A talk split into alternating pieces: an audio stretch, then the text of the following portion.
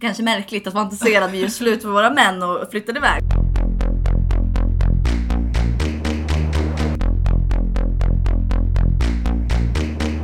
Hej och välkomna till Ronja-podden. Hallå!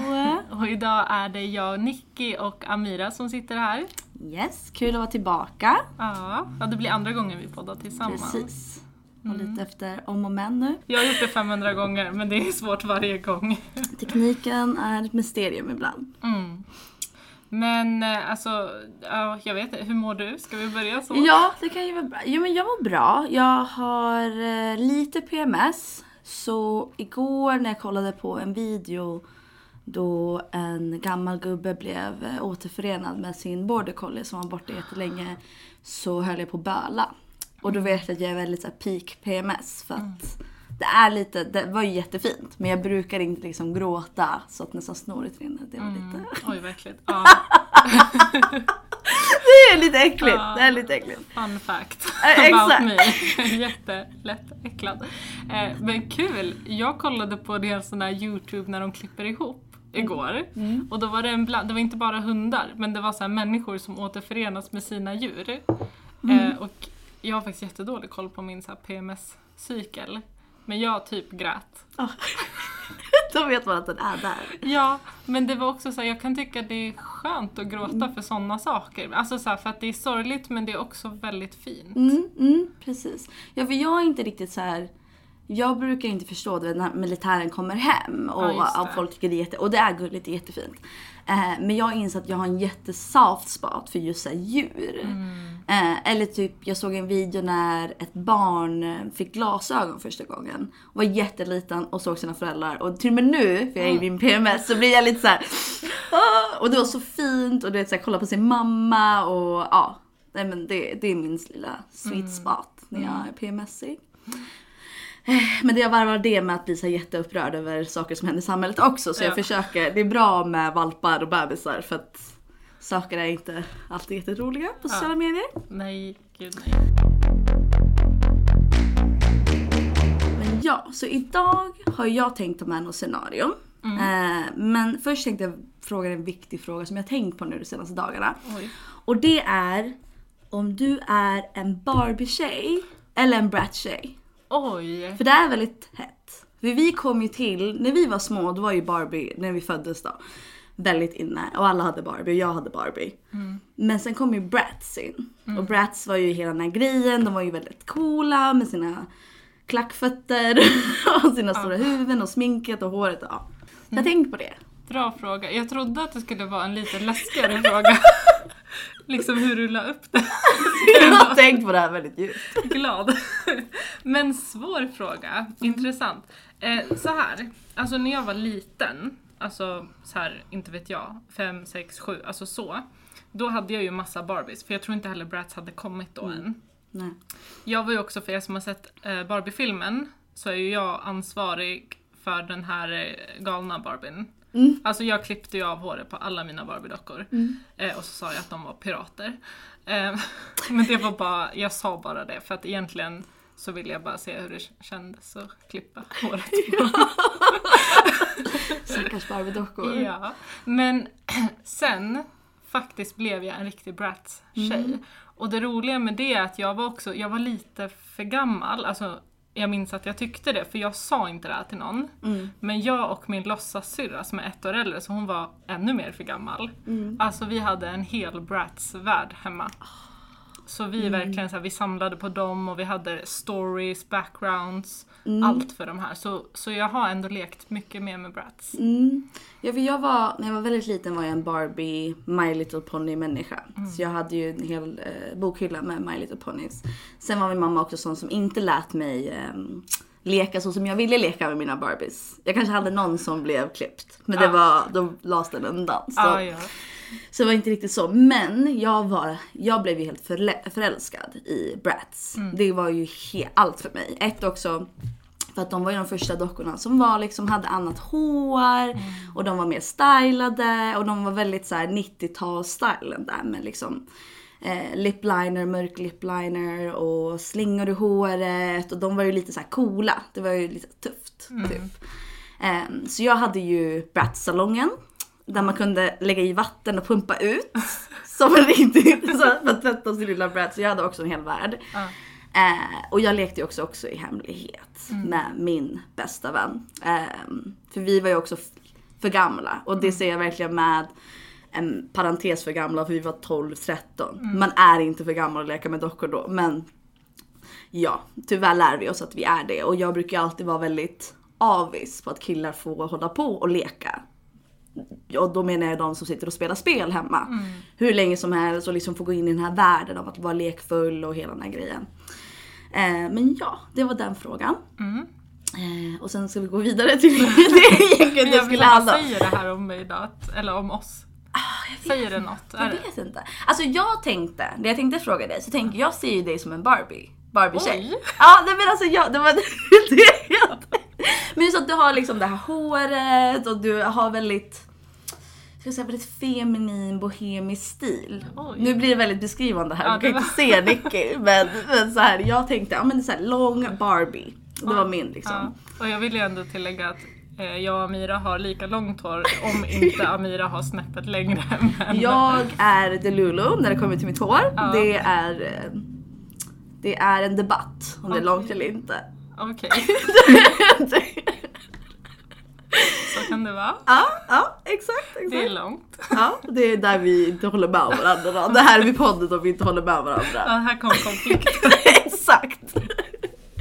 Eh, ja, men åter till... Eh, och som folk kommer säkert lära känna, jag kan tappa tråden ibland och prata om 15 olika saker samtidigt. Och det finns säkert någon anledning till det. Men... Ja, Ja, men det jag hade planerat då. Sist pratade vi ju om hålet som TikTok är och eh, allt man kan snöa sig in på. Och vi gick in på ett inlägg som du hade sett på Facebook.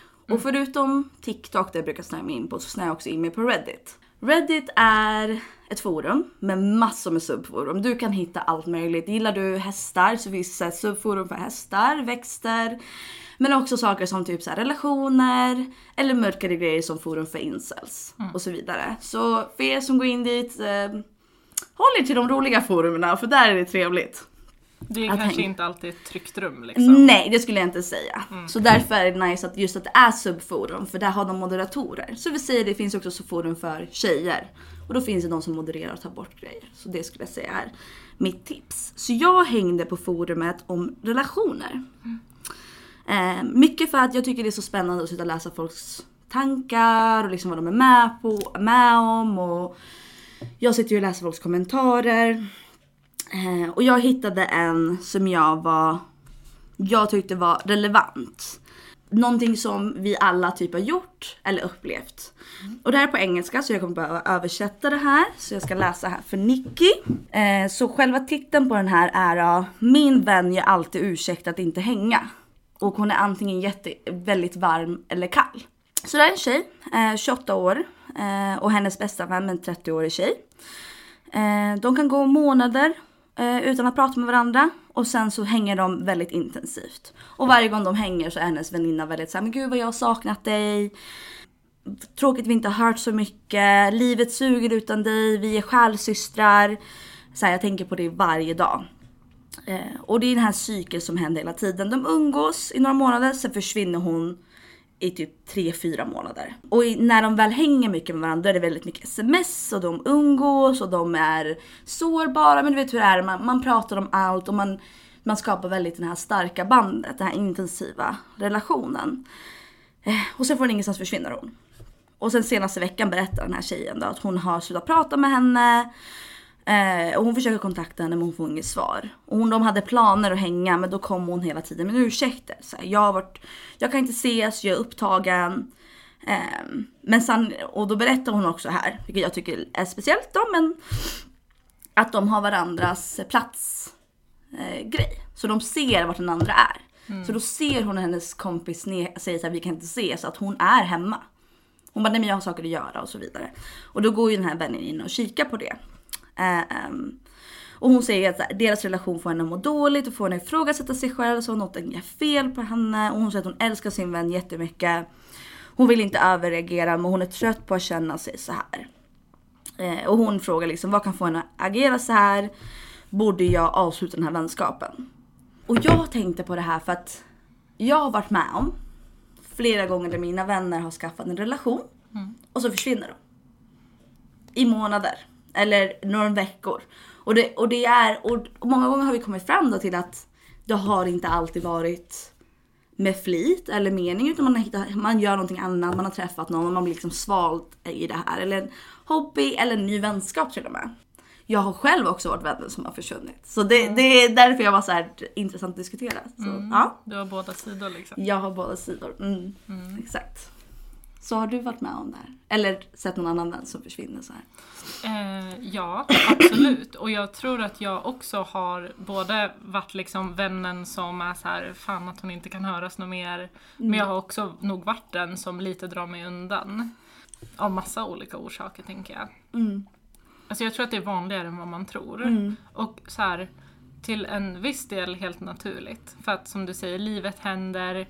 Alltså det kan vara alltifrån att man flyttar och då den här eller så här, att man, typ, för det tänker jag mycket på när man gick i skolan med folk, oavsett om det var när man bytte från högstadiet till gymnasie, eller kanske ännu mer när man liksom gick klart grundskola, gymnasie gud, och blev vuxen helt plötsligt. Att man hade så många så här, naturliga platser där man träffades, så man behövde typ inte fixa det själv, utan det blev så naturligt. Vi träffas i skolan, sen kanske vi går därifrån någon annanstans.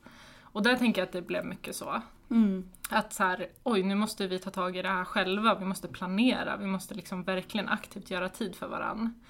Eh, men också det här med så här, när man är nykär, går in i en relation, börjar ett nytt jobb, eller alltså sådana stora saker, att det lätt händer. Mm. Ehm, men det, det är svårt, alltså för att det kan vara så mycket olika men jag tänker också utifrån berättelsen du sa att där tänkte jag att det kan också vara så här mår hennes vän dåligt? Mm. Um, alltså jag tänker utifrån att så här, ja, men säga att man ska göra saker men så ser hon att hon är hemma. Att det är också en svår... För jag hade också kunnat kanske tänkt att så här, oj vill inte hon vara med mig? Mm. Men också kanske försökt tänkt, och hon kanske inte orkar någonting just nu men hon orkar inte heller berätta det. Så då säger hon så här. Precis. Precis. Nej, men jag, jag tänkte liknande. Eh, de, de två första grejerna som fick mig tänka på antingen eventuellt vad är nytt i min kompis liv? Liksom, har hon berättat om någonting nytt som är på gång? Så här, har vi, är, ligger det något skav där under? Har vi kanske något pågående problem? Är det någonting? Eh, jag är ju en person som oftast blir väldigt sökande och vill veta så här, är, har det hänt någonting? Jag kastar gärna bollen till andra sidan och säger hallå, går det bra? Liksom. Eh, samtidigt som man vill ge space, men man undrar ju alltid för att det kan vara saker som att man mår dåligt, men då jag brukar vara den filosofin om man vet att en vän mår dåligt, hellre fråga en extra gång än inte fråga alls. Ehm, och där, men där får man också tänka på så här, på dig själv, just den som skriver det så här, hur mycket orkar du sträcka ut en hand i den här vänskapen? Eh, vart är du i din plats? Känner du att det inte blir besvarat? För det är ju viktigt att balansera sina vänskaper. Det är viktigt att man sätter gränser där det behövs. Eh, men också att man ger utrymme, för livet händer och det behöver inte alltid vara så seriöst och allvarligt. Eh, men för jag vet att när jag var yngre och, och liksom hamnade i en ny relation så var jag så bara så här puff försvann jag. Jag gick från att få ha liksom min singelliga, jag och mina tjejer som vi var varje helg, vi, vi firade varje nyår, alla högtider, vi var hos varandra konstant. Och sen bara, oj, hamnade jag i en relation. Och jag var ju så uppe i, i mitt i min lilla värld av rosa moln att jag fattade ju inte att de kände, jag tänkte att de har väl kul utan mig. De behöver inte mig.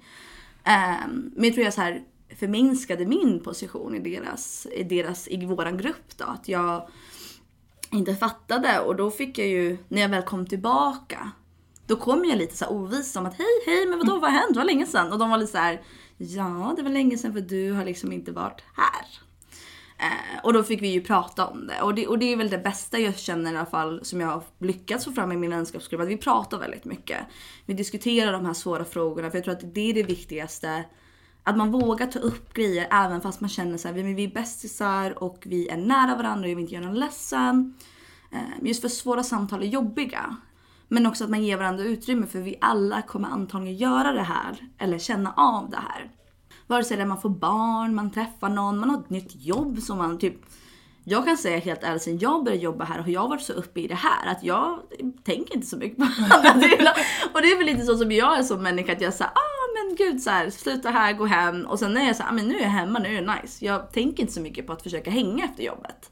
Eh, någonting som jag vet att jag behöver jobba på liksom, för att göra utrymme för mina vänner och liksom, familj och sånt. Eh, men också så här, det är fine om man inte pallar. Man får vila, man får återhämta sig. Men jag tyckte det var väldigt intressant. För jag vet att det där är någonting som återkommande kommer upp i vänskapsgrupper. Att så här, vad händer? Um, är det här värt? Ja, och jag, jag tänkte också på det du sa om att man så lätt minimerar sin egen liksom eh, sitt eget värde mm. i ett mm. sammanhang. Och jag tänker att man i också berättelsen du tog, mm. att det är åt båda hållen. Att man själv kan ju känna så här ja men vadå, det gör väl inget att jag inte kommer. Jag är inte, det är ju inte som att jag gör kvällen. Mm. Men så kanske ens vänner tänker visst att så här, fan det hade varit askul om du kom, det blev mycket tråkigare utan dig. Mm. Eh, men också att man minimerar då om man har en vän som drar sig undan, att man direkt tänker liksom självkritik. Att så här, då gör hon det på grund av mig. Mm. Men att ofta är det tvärtom, att det inte alls är på grund av dig. Eller så är det det. Och det är ju också så en jobbig alltså grej som jag tänker händer när man växer upp och lever ett liv. Att, så här, mm. för jag har också haft vänner som, som så här, vi inser kanske att vi passar inte ihop. Mm. Och där kan det ju också bli så här, för det är ju också jättejobbigt att ta. Mm. Att typ göra slut med en vän. Ja, oh, gud ja. Och speciellt tänker jag så här, kvinnliga vänskaper generellt är ju så starka. Alltså de är ju, mm. jag skulle säga att de är typ lika starka eller starkare än romantiska relationer. Alltså mm jag och mina tjejkompisar vi är ju såhär ride or die. Mm. Mm. Um, så det är också en jättestor grej om något skaver då, eller att man faktiskt till och med känner att så här, mm. oj vi har växt helt ifrån varandra. Mm. Ja gud, ja, jag, jag kan känna att jag har många gånger när jag var, eh, började växa upp insåg att så här, jag har så hög standard med mina vänner men inte på männen jag dejtar. Och någonting jag började göra var att kolla på mina vänner och se vad är det jag älskar hos dem. Och sen så här, varför förväntar jag mig det av dem men inte av dem jag dejtar? Och mer och mer började söka de egenskaperna. Lite som att mina vänner visade mig hur bra en relation kan vara och hur fin den kan vara. Även om inte vi har en intim relation, en intim sexuell relation så är det en fortfarande relation som påverkar ditt liv så mycket. Um, och jag tänkte mycket på det efter de pratade här om just den här sårbarheten. Att man, att man blir varandra som nära. Att man, många vänner ser varandra som systrar. Och vi pratar ju mycket om systraskapet och hur viktigt det är att värdera och ta hand om den och, och stärka den. Och jag tror att jag tror också att det är lätt är att ta saker för givet då. För att mm. vi, är så, vi är så vana att vi tar hand om varandra och lämnar utrymme för varandra. Att vi ska inte heller bara anta att någon annan kommer hålla space för mm. det. Liksom. Eh, men jag tycker att det är svårt. Mm. Eh, jag tror att svaret är väl att man alltid ska prata. Och när jag såg den här posten, varför jag ville prata om den också var för att ingen hade svarat på den här posten. Eh, eller nu sen dess har den fått ett svar. Mm. och jag var så här, men gud. för det är många så här, förhållanden som folk svarar på. Och ingen, det är inte många som pratar om vänskapsrelationer. Mm. Eller hur viktiga de är och hur... Jag skulle säga att, att, att gå igenom livet och ha i alla fall en stabil vän gör mm. en stor skillnad. Um, skulle jag säga. Jag har aldrig haft ett så här gigantiskt gäng men jag har haft liksom riktigt fina vänner. Um, som vi har bearbetat och gått igenom väldigt mycket tillsammans. Mm. Ja, alltså vänskap. Alltså, och jag tänker också det är det att samhället värderar inte vänskap till exempel lika högt som man värderar romantiska mm. relationer. Mm. Um, alltså, jag fattar det är passion och det är sex och det är allt möjligt som är liksom mer speciellt men men typ hur många filmer finns det inte om kärlek? Alltså det är inte, man gör inte filmer om vänskap på mm. samma sätt. Absolut, det finns en del. Men hur man pratar om det. Och, och det har jag verkligen med åren insett och som feminist också att så här, Speciellt, och jag har mest tjejvänner. Mm. Jag har alltid varit sån. Mm. Barbie-tjejen. Eh, Nej men så här, och jag värderar dem så högt och jag mm. värderar dem mer med varje mm. år. Alltså, mm. och, och liksom när jag också ser äldre kvinnor i min närhet, alltså både släkt men också mm. mammas liksom, vänner och nära, hur, hur viktigt det är. Ehm, så jag tycker det är, alltså det är jättebra tema att prata om för att Mm. jag tycker inte det pratas om tillräckligt. Nej, och jag, och jag är väldigt såhär, jag eh, har ju mina närmsta vänner och du vet vi pratar, vi, ibland skämtar vi om att såhär, skiter det sig med, med sambon och hit och dit. Vi, och vi har barn så tar vi barnen och flyttar ihop. För att det hade säkert varit, och vi kan sitta och fantisera om det här att såhär, kanske märkligt att fantisera att vi gör slut med våra män och flyttar iväg. Eh, och då sitter vi och pratar om hur fantastiskt det hade varit. För våra barn hade antagligen haft ett hem väldigt fyllt av kärlek och liksom allt det där komplexa som kommer med ett parförhållande hade inte varit där. Nej. Utan det hade varit liksom vänskap och systraskap och eh, det fina med det feminina. Och det här feminina, omhändertagna, vackra som vi, liksom, som vi pratade om innan att man ska fira. Eh, och det firas mer. Eh, men ja, alltså nu, nu kommer inte den här personen lyssna på den här podden. Men om det är någon annan som har liksom vänskapsproblem på det här sättet. Då ska jag säga, prata med varandra men också sätt gränser. Och ta hand om dig. Eh, det kan vara jättetufft om ens vän går igenom någonting. Man vet aldrig varför en vän drar sig undan. Vi har ju mött tjejer som drar sig undan för att de är i en dålig relation. Eh, Det kan vara en stor faktor att någon inte vill att du ska vara en del av deras liv och då tänker jag att det kan underlätta att hålla den dö- dörren alltid öppen. Tänker jag. Kanske, man kan, som vän kan man inte rädda någon. Och man kan inte förändra någons livssituation. Men man kanske kan ha dörren på glänt så de vet att de alltid kan komma tillbaka. Och jag tror att det är nog en av de finaste grejer man kan göra. Oavsett om det är mental hälsa, en stor romans eller någonting tragiskt som sker. Tänker jag. Mm, verkligen. Jag tänker vår erfarenhet här är ju att det har, alltså inte räddat, men det har ju hjälpt väldigt många att man har den där vännen som man kanske inte har hörts på ett år, man har blivit isolerad, men sen när man kommer ur relationen så finns hon där. Ehm, och vilken styrka det är liksom. Mm, exakt. Eh, Så gränssättning och kärlek, tänker jag. Hitta den där fina balansen. Exakt, exakt. Och det, den är svår, men den är, den är viktig. Så en annan här som jag också kikar på, samma subforum eh, som vi kollade på innan som handlar om relationer. Eh, den här tyckte jag var intressant för det här är, eh, den handlar om en relation. Eh, tjej som är 16 år tillsammans med en kille som är 16 år och titeln lyder Borde jag prata med min pojkvän eller håller jag på att överreagera? Tror du hon överreagerar? Jag tror inte det. men, men vi ska inte vara såna, berätta. Det ska vi gå igenom. Så hon och hennes kille går i gymnasiet. De har dejtat sex månader. Hon gillar inte eh, alkohol eller några droger. Ehm, så de är mindreåriga och hon är rädd liksom för vilka konsekvenser som kan komma med det. Att man kan få ett beroende. Senaste tiden har hennes kille börjat dricka. Han har också börjat röka på. Eh, han smsar alltid henne när han är ute och festar. Ehm, och hon säger alltid så här, du ska inte dricka eller ta droger. Och hon börjar inse att han lyssnar inte. Och fast han lovar flera gånger att han ska inte göra det igen. Eh, men samtidigt så smsar han alltid henne varje gång han gör det. Så även fast han inte lyssnar så ska han ändå berätta. Så det hon undrar då är, eh, är ifall hon överreagerar och borde bara suck it up som hon säger. Eh, borde hon säga till honom att hon inte vill dejta någon som dricker och tar droger? Eller borde hon bara acceptera det för att det inte är en stor grej och de är unga? Och, eh, borde hon vänta några månader och bara avvakta för att se ifall han tar några fler droger eller dricker mer? Och hon berättar att hon har försökt vara stöttande men hon är rädd att göra slut med honom. Hon är rädd vilka konsekvenser det kan leda till. Och som hon skriver här, hon är orolig att han ska skada sig själv eller att han ska bli på något sätt må dåligt. Och att det kommer vara hennes fel. Hon är inte säker på vad hon ska göra. Eh, hon har lovat honom att hon inte ska berätta för sin mamma. Men hon är oftast den personen som hon alltid pratar allt med. Och det är lite det. Sen skriver hon lite här om att eh, hon har kontakt med hans syster. Och hans syster säger till henne att hon inte borde säga någonting. Men jag tror summan av kardemumman är hur ska hon hantera det här? Med pojkvännen som har börjat festa. Och jag, och jag tänker det här är relevant för att det är ju oftast gymnasiet där det börjar.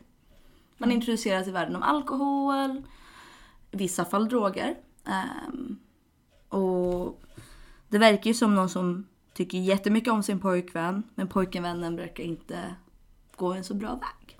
Nej, jag tänker så här utifrån också vår erfarenhet som tjejjour och, och eh, kanske också så här hur jag skulle vilja bemöta det här, vi ser om det är en tjej som kommer hit med det här. Att ett, hon överreagerar inte, hon har rätt till sina känslor. Ehm, och hon är i en jättejobbig situation uppenbarligen. Men det är också flera saker som händer här som är viktiga. Att han lägger jättemycket ansvar på henne. Han vet att hon inte tycker om det här och ändå berättar han det hela tiden. Mm. Eh, Det är väldigt liksom, det är ju jättejobbigt för henne att behöva deala med det här. Mm. Samtidigt som han berättar det här så tvingar han henne att inte berätta det vidare trots att han vet att hon gärna vill det och att hon har en jättenära relation.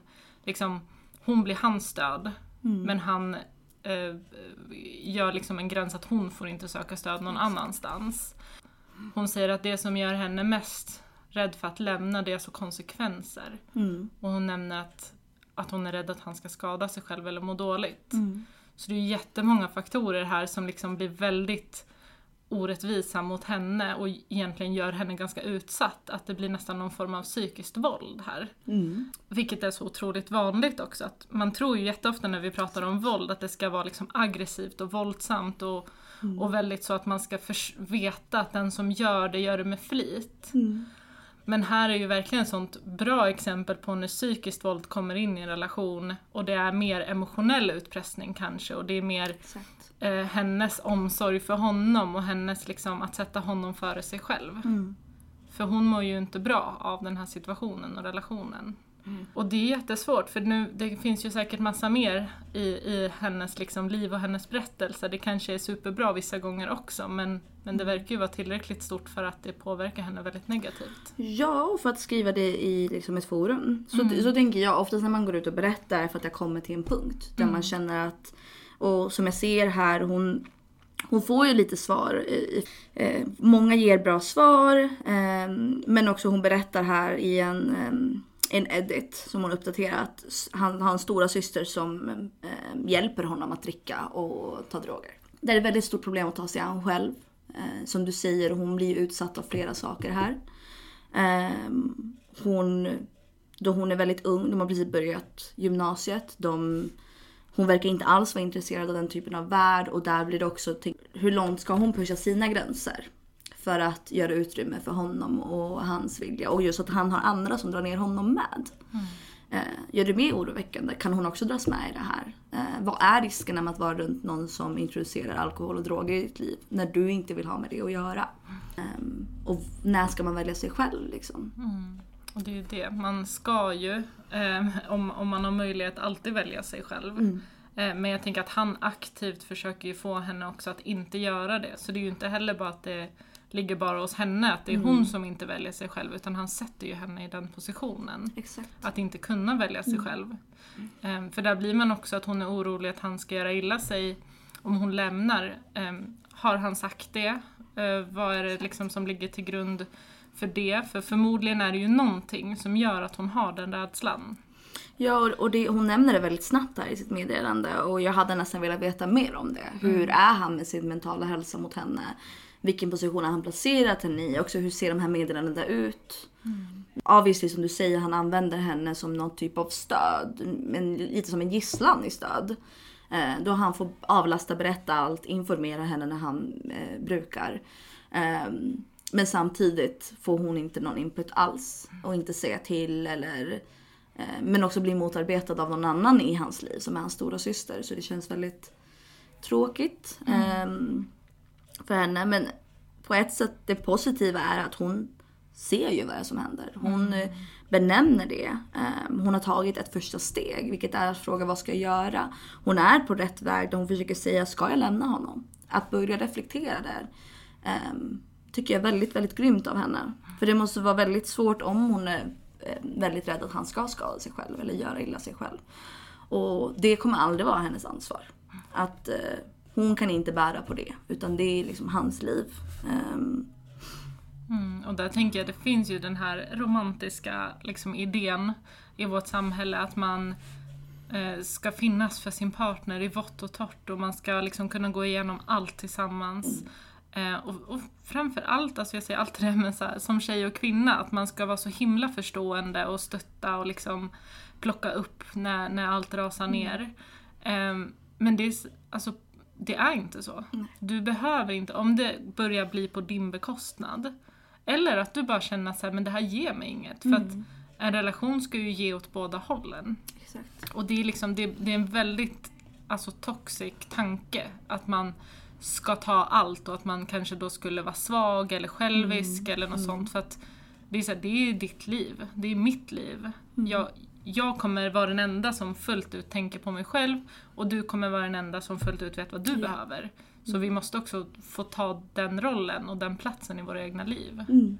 Mm, exakt. Ja, och, och svar om hon överreagerar, jag tycker absolut inte hon Nej. överreagerar. Inte alls. Jag, jag, jag, det finns väl ingenting annat. Det här är stora problem. Det här är någonting som är väldigt aktuellt. Det är viktigt att vi pratar om, om alkohol och droger och ehm, också så här, vad fler konsekvenser som kommer till där. Ehm, nu vet vi ju inte deras hela situation. Men jag vill tro att det här, det här blir ju ett tecken på att någonting inte är bra. Det här är ju en red flag. Mm. Att någon inte respekterar det du säger, tycker och tänker. Någon inte respekterar dina gränser. Även om de tycker det är fine att dricka. Om du inte vill det, då vill inte du det. Och det är helt okej. Och om någon går över den gränsen, då är det en red flag. Ehm, skulle jag säga. En väldigt skarp red flag. För det betyder att den här människan är okej med att gå över dina gränser. Exakt. Och också okej med att säga vem du får prata med. Ehm, och där skulle jag säga att ingen får säga till vem man får prata med. Ehm, jag har också en väldigt nära relation till min mamma. Och när jag var i den åldern, jag berättade allt för henne. Jag berättade om alla kompisar jag bråkade med, alla pojkvänner jag pratade med eller, eller hade någon tjafs med. Jag berättade allt för min mamma. Ehm, så ja, det är ett märkligt tecken ifall någon säger till dig att du inte får göra det. Ehm, faktiskt. Verkligen. Nej, men det, det var väldigt eh, kort och koncist. Jag tycker hon ska göra det som passar henne bäst och sätta sig själv i första, Ja. första hand. Ehm, hon är viktigast och hon... ehm, många gånger när man lever utanför sina värderingar och man, gör, man är en del av någonting man själv inte står för, då mår man väldigt dåligt. Eh, och man ska känna av det där. Det där är en känsla man känner liksom i kroppen, det är som, lite som ångest. Liksom, att den kryper fram och säger till dig, här är inte vad jag vill vara. Och jag tycker att vi borde lyssna på våra magkänslor bättre. Och hon borde lyssna på sin magkänsla. Ja, och jag tänker också att vi hamnar ju jätteofta i det där att vi eh, för jag tycker det är alltså, superbra att hon har skrivit om det här och för som du säger, det är ju första steget. Eh, men också, så- vi hamnar så lätt i att får jag tycka så här? Är det okej att lämna om det här har hänt? Men det är också så här, det är okej att lämna utan anledning. Om Exakt. du bara känner så här, jag vill inte det här. Eh, du kanske tycker, alltså det kan vara minsta grejen. Mm. Du får alltid lämna en relation. Och är det någon som får dig att känna att du inte kan det, då är det väldigt stora varningssignaler att, att det är något annat. Ehm, sen kan det vara svårt och komplext när liksom känslor är inblandat, så jag förstår ändå självklart den grejen att, man, att det inte är lätt oavsett. Men, men just att så här, ja, du får. Du får alltid göra det som känns bäst för dig. Så länge det inte så skadar någon annan direkt. Ehm, Men om han blir ledsen att hon lämnar, det är inte hennes ansvar. Nej, För hon kan bara ansvara över sina känslor. exakt. Och han verkar ju ha någon där vid sidan, hans syster. Mm. Och säkert sin egen. Han, man får ju hoppas att han har ett eget nätverk som kan ta hand om honom. Och hon har sitt nätverk. Ja. Och, och det, det får vara så. Och man får som sagt hoppas det. Mm. Men även om han inte har det så är det inte hennes ansvar. Nej, exakt. Det var bra. Mm. Men eh, alltså spännande. Jag har liksom inte varit inne på det här forumet. Men jag är ju sån, jag är ju med i de här tjejgrupperna på Facebook. Ehm, och, och sen liksom, ja men TikTok och så som vi har pratat om. Men jag har liksom inte hamnat i det här. Nu, Mm. nu känner jag att det finns en risk. Att jag är i riskzonen att börja läsa i de här forumen Mm. också. Ehm, men eh, intressant. Mm. Jag tycker det är ändå ett kul koncept att, eh, att du berättar och, och att man liksom får, får diskutera det. Exakt. Jag tror ju att vi, vi människor är inte så unika. Många av oss är med om liknande saker. Och, och det kan vara... De här forumen kan vara lite sköna för man kommer in och man känner igen sig. Eh, Jag brukar ju hänga på en som heter Am I the asshole? Och det betyder jag är en rövhatt. Ja, eh, På svenska då. Eh, Och då är det liksom scenarion där folk kan berätta så här, ja ah, men nu gjorde jag något jättetaskigt mot kollegan, var jag en asshole eller inte? Och då får folk rösta och kommentera grejer. Det är mitt favoritforum. För det roliga är att det är jättemånga som skriver som obviously är, har varit assholes mot sina nära och kära men de ser inte det. Och jag har en sparad till en annan gång. Aha. Som är en sån. Okej. Eh, som vi kan diskutera. Eh, men jag tycker det är en bra lite så här eh, inlägg. Och sen skulle det vara någon annan som har ett scenario. Vad det nu kan vara så kan man ju alltid DMa oss, skriva till oss eller mejla till oss. Och skulle det vara någon så här, men jag vill höra er diskutera det här. Då kan vi jättegärna ta upp det här. Det är vi öppna för. Eh, och det är bara att säga att man vill vara anonym så Ja. löser vi det. Eh, Absolut. Mm. men eh, har du något att tillägga? Eh, nej, alltså jag ser fram emot eh, att höra den där uh, Am I an asshole-grejen. Så eh, jag tänker att vi, eh, vi får se om det blir nästa gång eller om det blir något mellanspel. Exakt. Men annars så tänker vi att vi hörs av snart igen. Tack så mycket för oss. Tack, tack, hej Ciao. då!